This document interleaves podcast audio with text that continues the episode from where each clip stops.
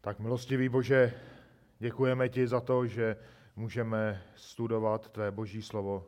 Děkujeme, že je máme takto na dosah ruky a skutečně je, je hodně na nás, jak jej často čteme a jak jej užíváme a jak, eh, pane, jej necháme promlouvat do svých životů. A přesně tenhle moment, pane, prosíme, aby tvé boží slovo pracovalo, aby, pane, tvé boží slovo zasahovalo až hloubu, hloubku nitra našich srdcí a prosíme, pane, aby se nenavrátilo s prázdnou. Prosíme, pane, aby ty jsi se oslavil. Děkujeme za tato slova, za 20. žalm a prosíme, ať je to žalm, který tebe vyvýší. Ve jménu Pána Ježíše Krista. Amen. Tak pojďme nejprve si celý žalm přečíst, tedy má deset veršů. Budu číst ze studijního překladu. Pro vedoucího chval Davidův žalm. Kéž ti hospodin odpoví v den soužení. Kéž ti poskytne bezpečí jméno Boha Jákobova. Kéž ti sešle pomoc ze svatyně, kéž tě podepře ze Sionu. Kéž pamatuje na všechny tvé obětní dary, kež má tvé zápalné oběti zatučné. Sela. Kež ti dá podle tvého srdce, kež naplní všechny tvé plány. Budeme jásat nad tvým vítězstvím a ve jménu svého Boha vyzdvihneme korouhve. Kež hospodin vyplní všechny tvé prozby. Nyní vím, že hospodin zachrání svého pomazaného, že mu odpoví ze svého svatého nebe mocnými, spásnými činy své pravice. Jedni doufají ve vozy, druzí zase v koně. My však připomínáme jméno hospodina našeho Boha. Oni klesali a padli, my jsme povstali a jsme obnovováni. Hospodine, zachraň nás, kéž nám král odpoví v den, kdy budeme volat. Tak představte si, že je rok 1944, červen. Jste na eh, jeho anglickém pobřeží a už rok tam jste detašováni a tvrdě cvičíte na invazi na francouzské pobřeží do Normandie. A víte, že vás čeká velmi, velmi těžký a dobře vycvičený a navíc opevněný nepřítel. Ten den D, jaký znáte z historie, se neúprosně blíží a vy už jen a jen čekáte na rozkaz k nalodění a k tomu, abyste se vydali na eh, vratkých člunech přes eh, Lamaňský průliv. Tak za několik hodin vystoupíte na francouzské pláže, ale nebude tam piknik. Vystoupíte mezi dopadající dělostřelecké granáty, kulometnou palbu a nastražené miny. Nebudete mít žádnou cestu zpět. Nebude cesta návratu, musíte jen dopředu proti nepříteli. Ale nyní je ještě večer před tou bitvou. A vy jste pronásledováni nejistotou, strachem. Co se stane zítra? Co bude? Přežiju to? Kolik nás padne? Prorazíme to, to, eh, ty nepřátelské hradby? Nebo nás smetou zpátky do moře? Tak život křesťana je válka. A je to válka, která je plná bitev. A ty bitvy vyžadují plné nasazení. Nepřátel je skutečně mnoho. Všichni to známe ze svých životů. Neustále bojujeme s vlastní hříšností, s vlastní eh, hříšnou tělesností, bojujeme s pokušením, pokušení, které dokáže velmi zákeřně a velmi překvapivě zautočit do našich životů. Pak přichází zkoušky do našich životů, které i působí nějací vnější činitele. Přichází různé zvraty, přichází různé změny a my najednou stojíme v situaci, která má nejistou budoucnost. A mnoho dalších a dalších. Kam se v takových chvílích upínáte? Za co se modlíte, když stojíte před těžkou zkouškou, před těžkou životní bitvou? Ten 20. žalm nás učí, že v takovém čase, v čase, kdy jsme před těžkou bitvou, tak se můžeme připravit následujícím způsobem. Jednak přiznáním boží svrchovanosti, dále poznáním božích vlastností, rozjímáním nad božími vlastnostmi v modlitbách a propojením důvěry v jeho boží moc. Název tohoto kázání je jeden všemohoucí nad všechny nepřátele. A náš první bod, který pokryje druhý až šestý verš, tak má název Modlitba boří strach z nepřítele. A tak blíží se velká bitva, to je kontext toho žalmu. Na Izrael přitáhl mocný nepřítel s těžce vyzbrojenou armádou. A teď v tom lidu vyvstávají obavy, vyvstává strach. Co bude, jak se ubráníme? Ale král David, zároveň generál, vlastně vrchní válečník, tak neváhá a přivádí lid přímo před hospodina, aby společně prosili v té těžké době Pána Boha o vítězství. My v tom prvním bodě, v těch prvních čtyřech veršech, verších, eh, pardon, pěti, čteme čtyři prozby schromážděného lidu za svého krále. My sledujeme, jak ta tíseň postupně sjednocuje ten lid se svým králem, králem, který nese to břemeno rozhodování. A právě proto se musí všichni spojit a musí se společně modlit. Tak ta první prozba, kterou čteme v tom druhém verši, tak je prozbou za vyslyšení modliteb, za boží ochranu v té nadcházející bitvě. A David ví, David zná ze svého života, že Bůh slyší modlitby spravedlivého, že Bůh odpovídá na jeho modlitby. Mnohokrát to zažil, mnohokrát byl v tíživých situacích.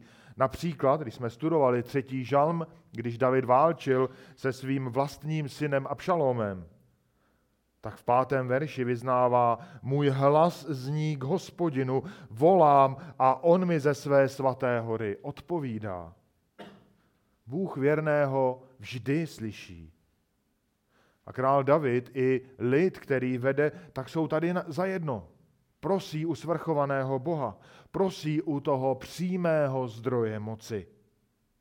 V té druhé části v tohoto verše, tak ta modlitba pokračuje prozbou za bezpečí pro toho krále, který sám se vydává do té bitvy. To slovní spojení poskytne bezpečí, tak znamená doslova uvést na bezpečné, vyvýšené místo. Vykresluje to, že Bůh jej má vytáhnout z té vřavy a umístit jej na nějaké vyvýšené místo, kam nedosáhnou zbraně těch nepřátel. Ale co má poskytnout tomu králi bezpečí? Ta jeho armáda, která se kolem něj postaví? Ne, čteme jméno Boha Jákobova tak v starozákonních dobách jméno bylo vždycky velmi těsně spojené s reputací té dané osoby. Také s jeho postavením ve společnosti a také s charakterem. Tak říkajíc, to jméno předcházelo tu osobu. Když byl člověk mocný, tak měl mocné jméno. Naopak, když to byl nějaký vyvrhel, tak byl často nazýván jako bezejmený. Prostě to jméno bylo synonymem toho, co ta osoba znamenala a jak ta osoba jednala. Když si přečtete někde jméno Adolf Hitler, tak vám okamžitě vyvstanou historické souvislosti démonického říšského kancléře, který zavedl svět do války, kde zemřelo 72 milionů lidí. Ale naopak, když si někde přečtete nebo v televizi vidíte jméno Kačer Donald, tak vám vyvstane na rtech úsměv a vzpomenete si na dobráka, trochu praštěného, ale eh, veselého kamaráda, který prostě eh, rád pomáhá zase svým dalším kamarádům. Tak právě proto to jméno je dodnes důležité, ale tehdy bylo o to více pro pověst toho nositele. A tím spíše to bylo boží jméno, jméno Boha Jákobova pro boží lid Izraele. Protože to boží jméno, ke kterému tady David odkazuje, nebo ke kterému spíš možná dokonce říci, lid vede svého krále, tak reprezentuje všechny boží vlastnosti a veškeré boží jednání. Najdeme v písmu mnoho spojení, které spojují boží jméno s božími vlastnostmi, zejména v žalmech. Mezi 80. a s tím žalmem najdeme hodně těchto vyznání. Například 89.17. Ve tvém jménu jásají každý den, pozvedají se ve tvé spravedlnosti. Tedy boží jméno spojené se spravedlností. Nebo 99. žálm, třetí verš. Nechť vzdávají chválu tvému jménu, velkému a budícímu bázeň. Je svaté. To boží jméno je hodné chvály, budí bázeň, protože Bůh je svatý, protože Bůh je nositelem toho jména. A šli bychom další a další spojení božích vlastností, věrnost, spása, dobrota, můžete si udělat takové malé domácí studium. Ale v každém případě, milí svatí, je důležité, že si v modlitbě můžeme připomínat všechny ty úchvatné boží vlastnosti. A současně si můžeme připomínat, jak Bůh historii jednal s božím lidem. A tím můžeme povzbuzovat svoji kuráž před tou nadcházející bitvou. A díky tomu můžeme porazit strach. Proto ta druhá prozba ve třetím verši tak je přímou prozbou o pomoc, o e, podporu v té rozvíjející se bitvě nebo v té nadcházející bitvě. Protože ten lid i král vědí, že se modlí k Bohu, který všechno vede podle svého svrchovaného plánu, svou zcela neomezenou mocí, tak de facto v tom třetím verši prosí, aby Bůh přímo intervenoval v té dané bitvě, aby on tím svým zásahem tu bitvu vyhrál. Oni neprosí o posílení vlastních sil. Neprosí o to, aby jim Bůh jaksi dopomohl vylepšit jejich schopnosti. Neprosí o požehnání vlastních zbraní nebo čehokoliv jiného. Ale prosí o to, aby Bůh jednal svou mocí a on se oslavil. A odkud má ta boží moc výjít, když sledujete ten text? Má výjít ze svatyně, má výjít ze Sionu, tedy z Jeruzaléma. Tehdy boží moc přebývala se svým lidem a víme, že už od dob Mojžíše tak Bůh přebýval ve svatostánku a v době Davida tomu nebylo jinak, když David vnesl archu úmluvy do Jeruzaléma, ještě daleko předtím, než vznikl Šalamounův chrám, tak na Sionu ta boží moc se nějakým způsobem eh, projevovala. My víme, že Bůh dnes nestojí na straně žádné armády, nestojí na straně žádného státu. Přeci jen tehdy to byla výjimečná situace, kterou musíme chápat. Bylo to teokratické zřízení, eh, král a vlastně to kněžstvo byly nějak propojené v té vládě. Ale víme, že Bůh stále se zastává a bojuje za svůj lid. Za boží lid. Stejně jako bojoval tehdy, tak bojuje i dnes. Aby právě proto potřebujeme prosit za jednání boží moci v našich bitvách. A není to tak, že bychom my potom se jen dívali. Není to tak, že bychom řekli, bože, tady bojuj a pak se jenom jako diváci dívali na fotbal. Nejsme diváci, ale jsme válečníci, jsme bojovníci, kteří bojují tento celoživotní boj o svatost. A tak stejně jako v modlitbě roste kuráž ještě před tou bitvou, než začne, tak svědomím boží moci roste i důvěra. Ta třetí prozba lidu za svého krále tak žádá o přijetí královských obětních darů. Těsně před bitvou David přednáší ty své dary na oltáři a když tam čteme to eh, sloveso pamatuje, tak to není jenom, eh, ten význam není jenom jako pasivní eh, nějaká data zapsaná někde v boží paměti, tak Bůh není účetní, aby někomu sčítal někde nějaké dary a pak to někde podtrhl a sečetl. David předkládá ty dary a ty oběti, aby připomínali Bohu samotného Davida a aby Bůh aktivně jednal v té dané záležitosti. Ty dary tehdy byly součástí uctívání, dneska nejsou, ale možná ještě pro vysvětlení toho, tak ve skutcích v desáté kapitole tak čteme o Kornéliovi. Víte, to byl, jistě víte, římský setník, který se bál Boha. Asi bychom ho nazvali proselitou. A když se modlil, tak k němu přistoupil anděl. A ve skutcích v desáté kapitole ve čtvrtém verši čteme, že Cornelius pozorně na něho, na toho anděla, pohlédl, ulekl se a řekl, co je, pane? Anděl mu řekl, tvé modlitby a tvé almužny vystoupily jako připomínka před Bohem. Tak ty Kornéliovy modlitby, které léta předkládal, a ty almužny, který mi sdílel svůj majetek s chudými, tak vystoupily jako aktivní připomínka před Pánem Bohem a Bůh jednal. Poslal toho anděla s výzvou, aby, pos, aby přizval Petra. Petr přišel, Petr svědčil o Kristu, Cornelius uvěřil. Úžasný boží plán. Od začátku do konce Bůh to měl naplánované. A ty připomínky tam hrály, nebo ty, ty oběti, ty modlitby, tam hrály roli té připomínky.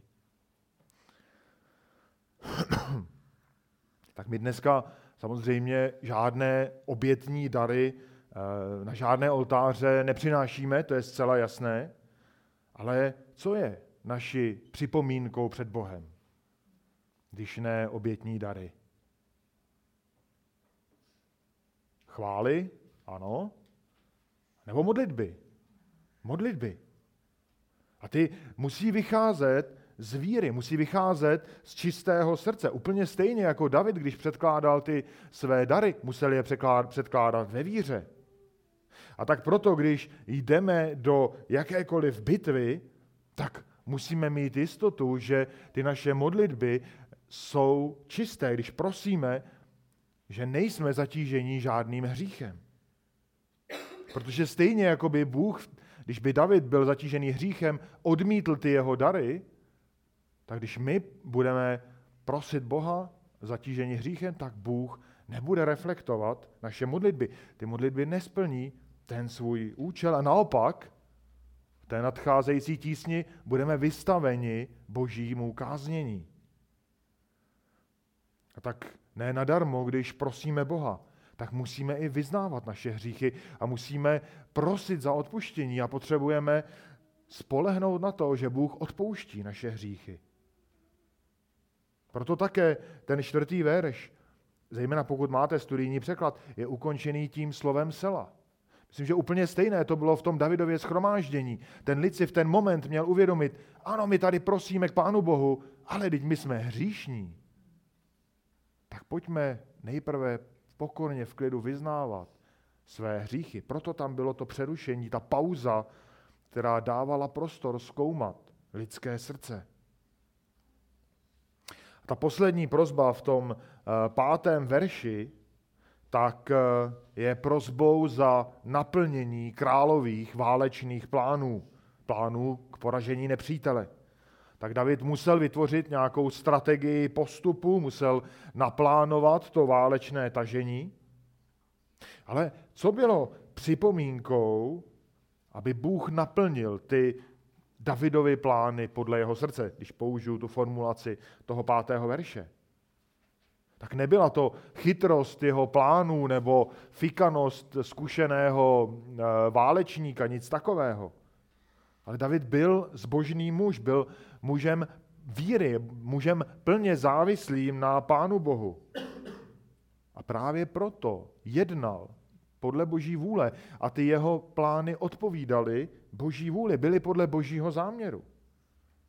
Byla to Davidova věrnost, která byla tou podmínkou, aby Bůh naplnil jeho plány. Věrnost a závislost na Pánu Bohu.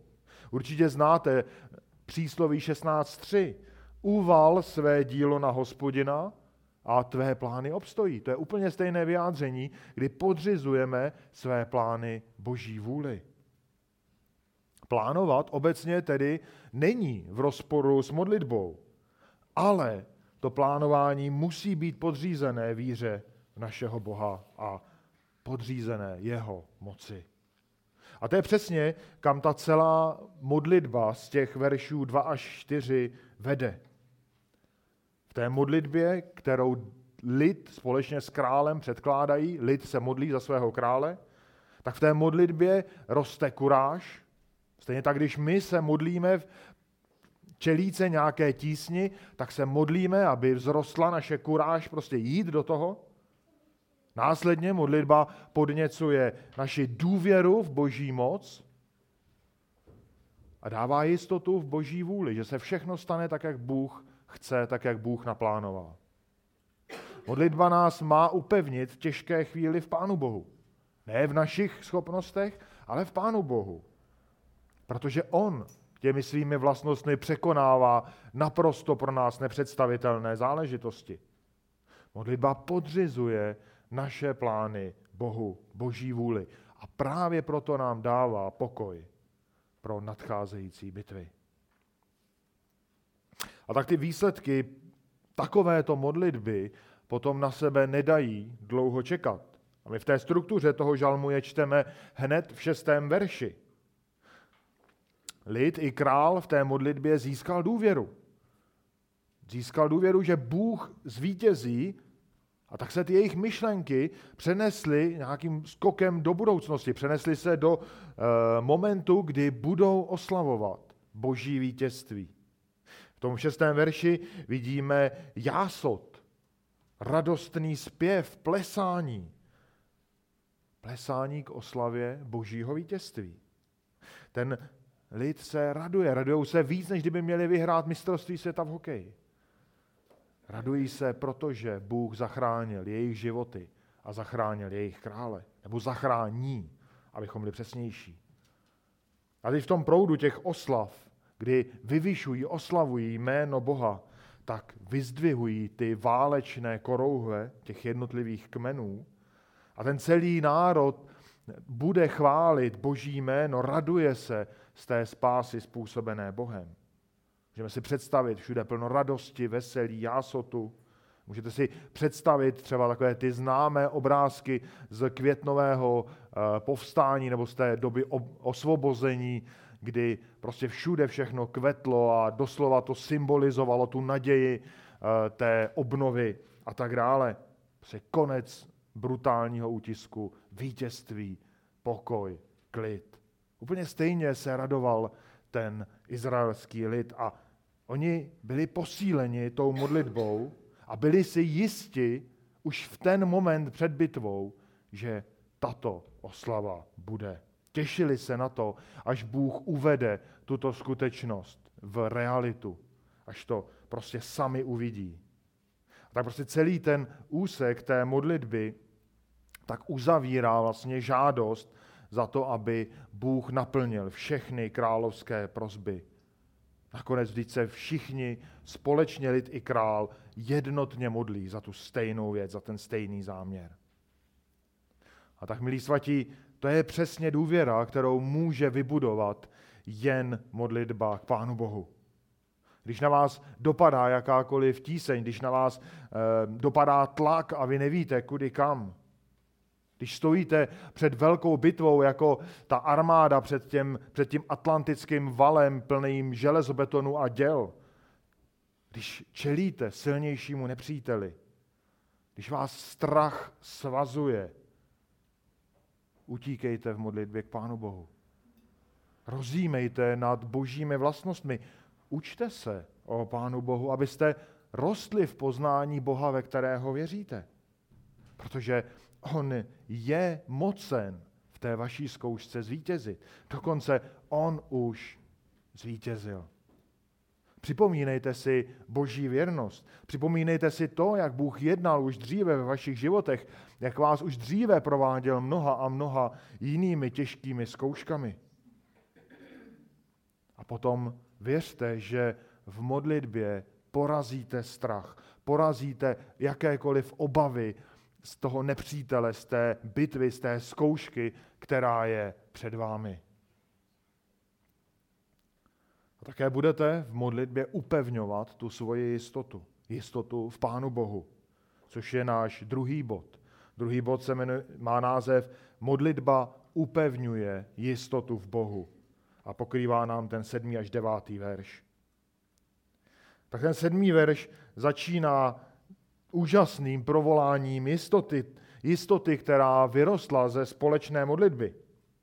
Už tady nemluví to celé schromáždění jako předtím, ale mluví sám král. Ačkoliv to vítězství je stále ještě v budoucnosti, tak to jeho vyznání vyjadřuje naprostou jistotu záchrany a boží odpovědi. Odpovědi, kterou Bůh učiní svému pomazanému, tedy tomu samotnému králi. Ta boží odpověď čteme, že přijde ze svatého nebe. Přijde ta boží moc, která porazí nepřítele a vysvobodí ohrožený lid. Myslím si, že k tomu je nejlépe toto ilustrovat 18. Eh, žalmem.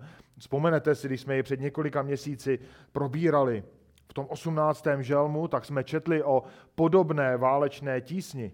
David byl dokonce těsně před pádem, nepřátelé ho obkličovali a už už na něj dotírali. David volal, David křičel z té tísně k Pánu Bohu a Bůh vyslyšel a jednal svou mocí. A ta pasáž je skutečně jak vystřižená z akčního filmu.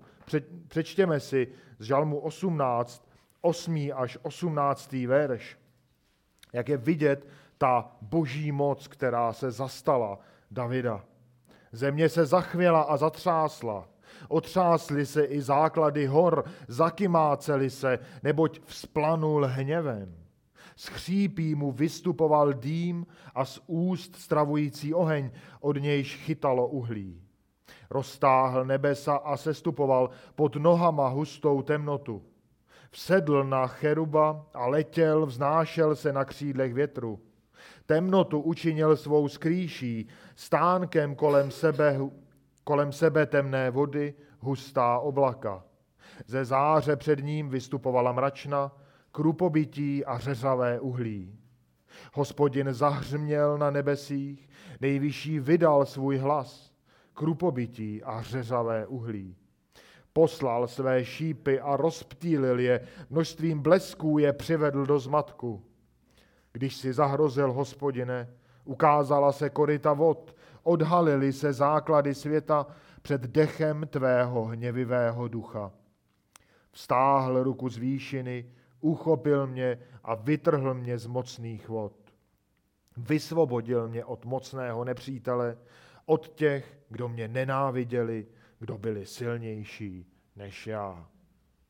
Takhle Bůh jednal svou neomezenou mocí případě svého pomazaného, tedy krále Davida, v případě toho, kdo mu patří.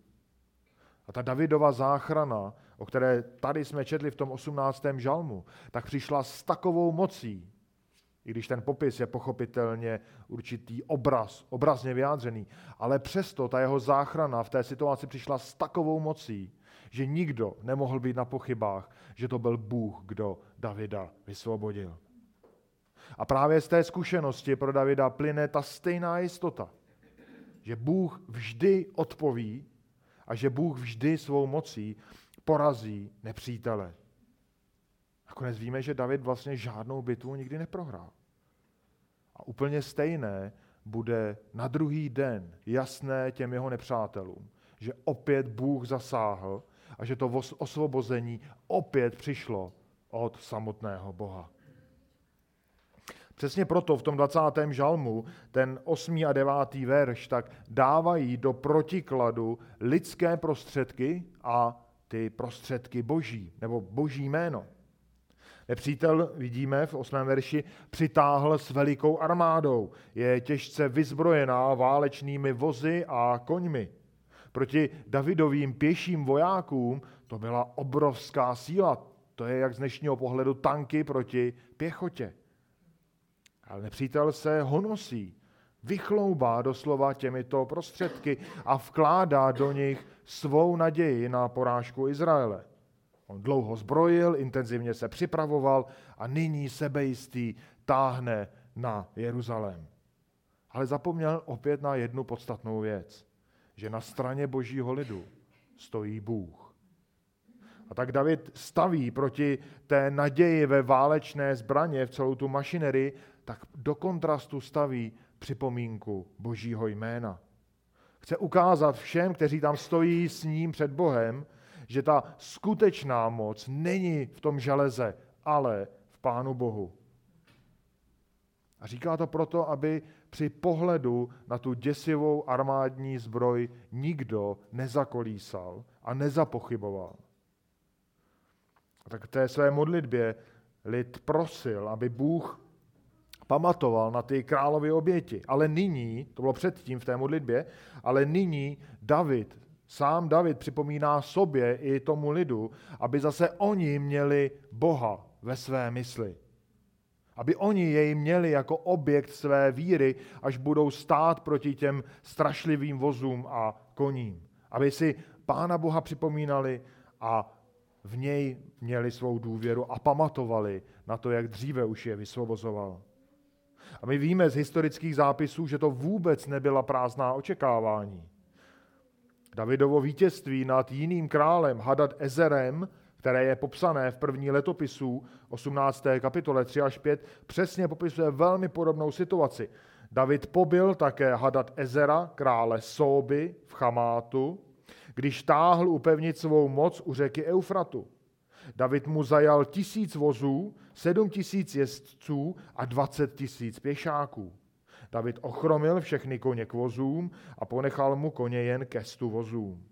Aramejci z Damašku přitáhli hadat Ezerovi, králi Soby, na pomoc. Ale David pobil z Aramejců 20 tisíc, eh, pardon, ano, 22 tisíc mužů. Tak vidíme, že Bůh dal Davidovi zvítězit nad mnohonásobně silnějšími nepřáteli, protože stál na straně zbožného muže. A David nevložil tu svou jistotu v ty lidské prostředky, protože víme, milí svatí, že kam kdo vloží svou jistotu, tak podle toho také dopadne.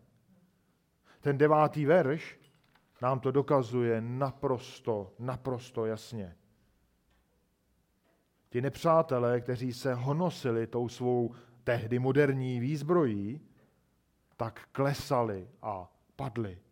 Doslova pod tíhou boží moci klesli a zemřeli na tom bojišti. Ale naproti tomu boží lid, který vložil naději v Boha, tak povstává z toho ponížení, z toho strachu, z těch obav a je obnovován v pokoji, protože nepřítel byl poražen. A tak vidíme, že spolehnutí se na lidské prostředky se dříve nebo později ukáže jako naprostá bláhovost. Na neštěstí my o pár století dále tu též hloupost můžeme číst o Judovi a o tom, jak spoléhali na vše možné, jenom ne na hospodina. Tehdy je Izajáš varoval. Izajáši 31.1 čteme, Běda těm, kdo se stupují do Egypta pro pomoc a opírají se o koně. Spoléhají na vozbu, že je početná a na koně, že jsou velice zdatní. Avšak ke svatému Izraele nevzhlížejí a hospodina se nedotazují. Tak to je tragický opak. A my víme, že ten lid tehdy neposlechl, zůstali v té neposlušnosti, spoléhali na ty egyptské vojska a dopadli tak, jak čteme. Egypt je zradil, koně byly sežrány, vozy poraženy a Bůh je potrestal, protože spoléhali na svoje síly. Tak je, milé sestry a milí bratři, velmi, velmi důležité, kam vložíte svou důvěru. A je proto tragické, když křesťané doufají v lidské prostředky. Zatímco máme na dosah přímou neomezenou, svrchovanou boží moc. Musíme si přiznat, že naše srdce je v tomhle velmi zrádné. Vždyť vzpomeňte si, kolikrát jste už padli do hříchu, který jste si mysleli, že už nikdy nespácháte. Nesčetněkrát jste začínali znovu a znovu. A i když jste třeba začali dobře, plně jste spoléhali na Pána Boha, tak jste tak to zase přišlo, tak jste zase do toho spadli. Pokušení, pád. Stále dokola. Pak přišly výčitky. Jak je to možné? Jak to, že neustále prostě padám v té stejné situaci? Jak to, že se neustále takhle točím v kruzích? Ale ta příčina je úplně jednoduchá a přesně odpovídá tomu, co tady David píše. Vždycky po krátké době jste nabili představy, že teď už to zvládnu, teď už to umím, teď už nemusím spoléhat na Pána Boha. A nebo alespoň se opřu trošku o své síly. A v tu chvíli vás pokušení přepadlo nepřipravené. Proto, milí svatí, mějte na paměti, že žádná válka se nevyhraje za jedno odpoledne. Žádná válka se nevyhraje bez úsilí, bez vydané námahy. Pro křesťany to není úsilí, které bychom vkládali do nějakých, uh, nějakého třeba sebezapírání, asketismu a tak dále, nebo čehokoliv jiného, ale pro nás je to právě úsilí vložené do modlitby. A pokud zápasíme s něčím, modlitba je ta nejmocnější zbraň, kterou musíme použít. A v modlitbě získáváme jistotu, že Bůh již je vítězem v těch zápasech. Ale vy se musíte přesto ohánět mečem. Vy přesto musíte bojovat, trpělivě bojovat a spoléhat na Pána Boha a očekávat na jeho vítězství. A právě proto zde máme ještě třetí bod, desátý verš. Modlitba má poslední slovo. Celé to schromáždění se spojuje k závěru té celé společné modlitby. Ten čas bitvy se neúprosně blíží a ten lid ještě naposledy prosí za záchranu. Ale nyní, proti tomu počátku, když začínali, tak už nejsou svázáni strachem, ale mají jistotu v Pánu Bohu. Všechno mu předali a nyní očekávají na dovršení toho božího vítězství. V tom prvním verši tak začali svou modlitbu prozbou k hospodinu za odpověď. A stejnou prozbou nyní tu, ten celý žalm uzavírají. Ale nyní už jsou připravení a ví, že Bůh již odpověděl a že čas vítězství se blíží. Modlitba porazila strach, dala vzrůst kuráži do boje s tím nepřítelem, načež následně modlitba podnítila důvěru v boží moc, jistotou v boží vůli a upevňuje ji spolehnutím na boží prostředky. A pak není, před, není vůbec překvapivé, že takto nabitá jistota vrací zpátky do modlitby. Modlitba má poslední slovo v přípravě boje s jakýmkoliv nepřítelem. Modlitba je jako nekonečný závit, jako když utahujete šroub a s každou otočkou se dovídáte nové a nové věci o Bohu a jste nově a nově ubezpečování, že Bůh o vás pečuje a že slyší vaše modlitby a že jedná ve vašich záležitostech.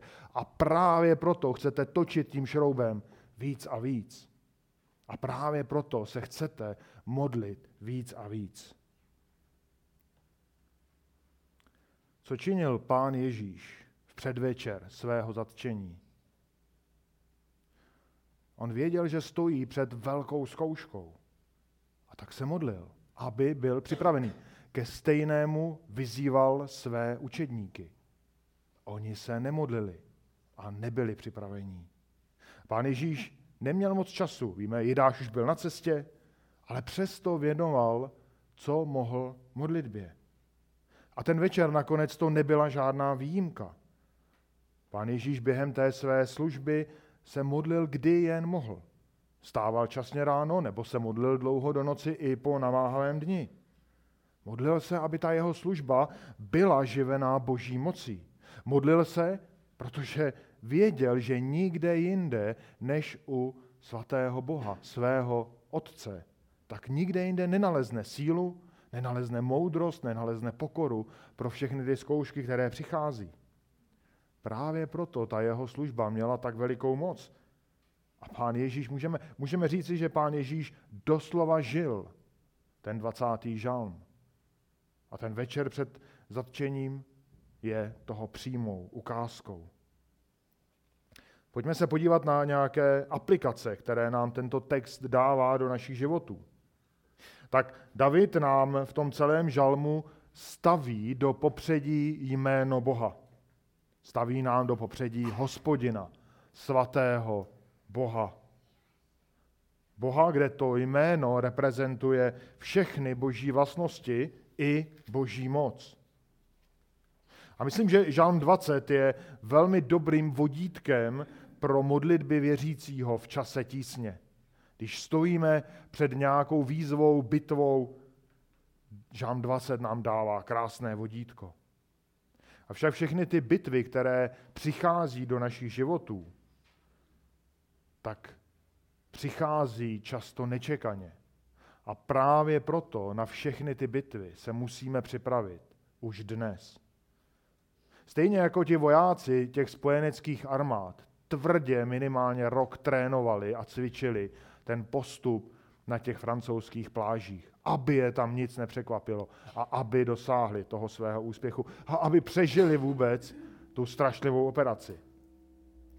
A úplně stejně i vy dnes musíte upevnit vaši důvěru v Pána Boha, abyste obstáli ze stejného důvodu. Protože každá válka je krutá. A každá válka také v první řadě smete ty, kteří nejsou připraveni. Platí to o válce mezi lidmi, platí to i o duchovních zápasech.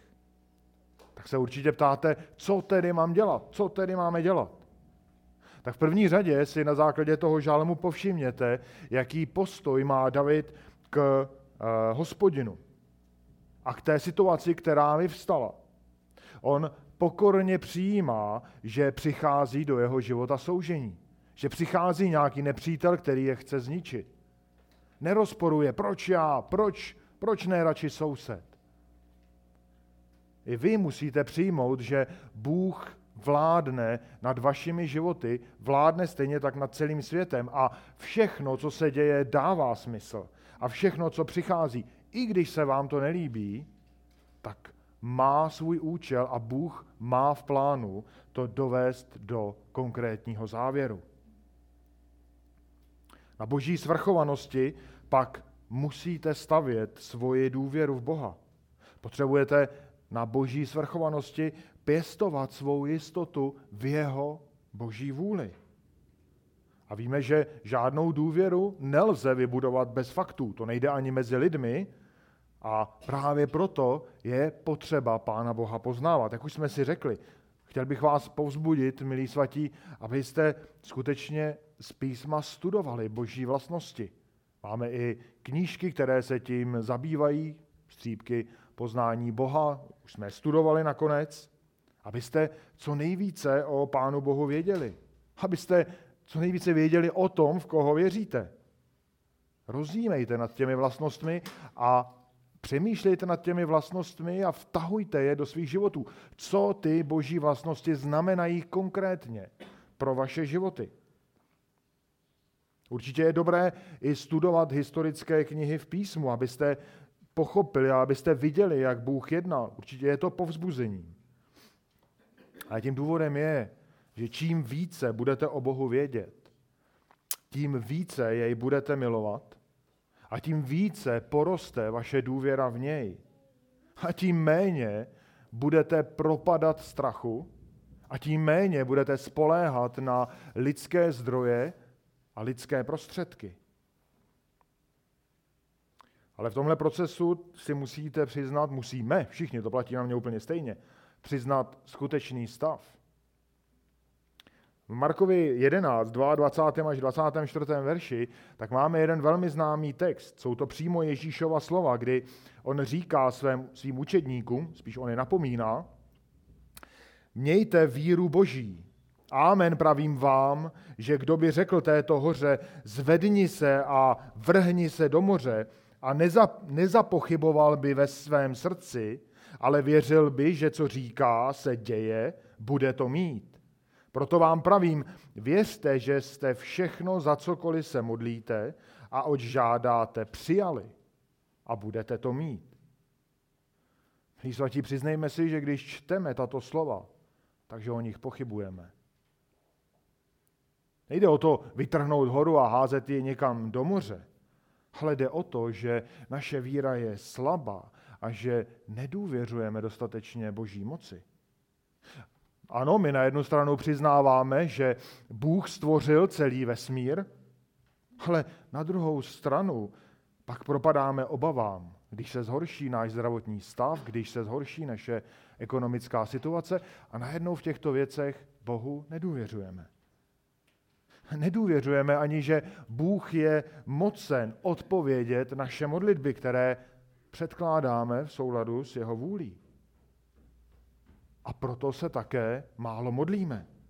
A proto více dřeme vlastními silami. A proto také jsme pak zklamáni tím výsledkem. Modlitba svatých, milí, má skutečně ohromnou moc. Nakonec v celé historii spásy, v celé historii toho božího plánu je to právě modlitba, která uvádí boží vůli ve skutečnost. Tak, tak proč se máme spokojit s něčím tak malým, co dokážeme udělat vlastními silami, když můžeme v přímém přenosu sledovat boží moc, jak působí v našich životech? Svatí, my potřebujeme růst v modlitbě, potřebujeme získat jistotu, že naše modlitby už jsou Pánem Bohem odpovězeny. My musíme vyznávat se stejnou jistotou jako David, když se tady modlil před tou bitvou, že do těch zkoušek, které přichází do našich životů, že Bůh již dal své vítězství. A že my bojujeme, ale čekáme na dosažení tohoto vítězství boží moci. Proto se modlíme, proto předkládáme nejenom své, ale i prozby druhých. Tak jako lid se modlil za krále, tak milí svatí, modlete se za jeden za druhého. Proto máme i ta ranní schromáždění, abychom věděli, za co se modlit za druhé. A abychom v tom také vytrvali a nezapomínali. Této jistotě, že Bůh odpověděl na všechny naše modlitby, že v nich jedná a dovede to podle svého plánu svou mocí do zdárného konce, tak ta jistota nestojí ve vzduchoprázdnu. Ta jistota stojí na oběti Pána Ježíše Krista. Ta jistota je jen jistotou božích dětí. Není to jistota celého světa. Jen ten, kdo vydal svůj život, kdo uvěřil, kdo se pokořil před Pánem Ježíšem Kristem, kdo vyznal, že tento Bůh v lidském těle zaplatil za moje hříchy, tak se může doslova opájet touto jistotou a radovat se z té nepřeberné boží moci, která pracuje. Protože je to Pán Ježíš, který otevřel ten plný přístup před Pána Boha a který se stále za nás přimlouvá a nakonec je to Bůh, kdo vkládá modlitby do našich srdcí. A tak mějte tedy, milí svatí, na paměti, že modlitba poráží strach, dává kuráž do boje, podněcuje důvěru v boží moc, buduje jistotu v Pánu Bohu a vede zpátky do modlitby. To je schéma 20. žalmu a to je schéma našich zápasů, ať přijde do našich životů cokoliv. Pak můžete, milí svatí, jít hrdě a se štítem do jakékoliv bitvy.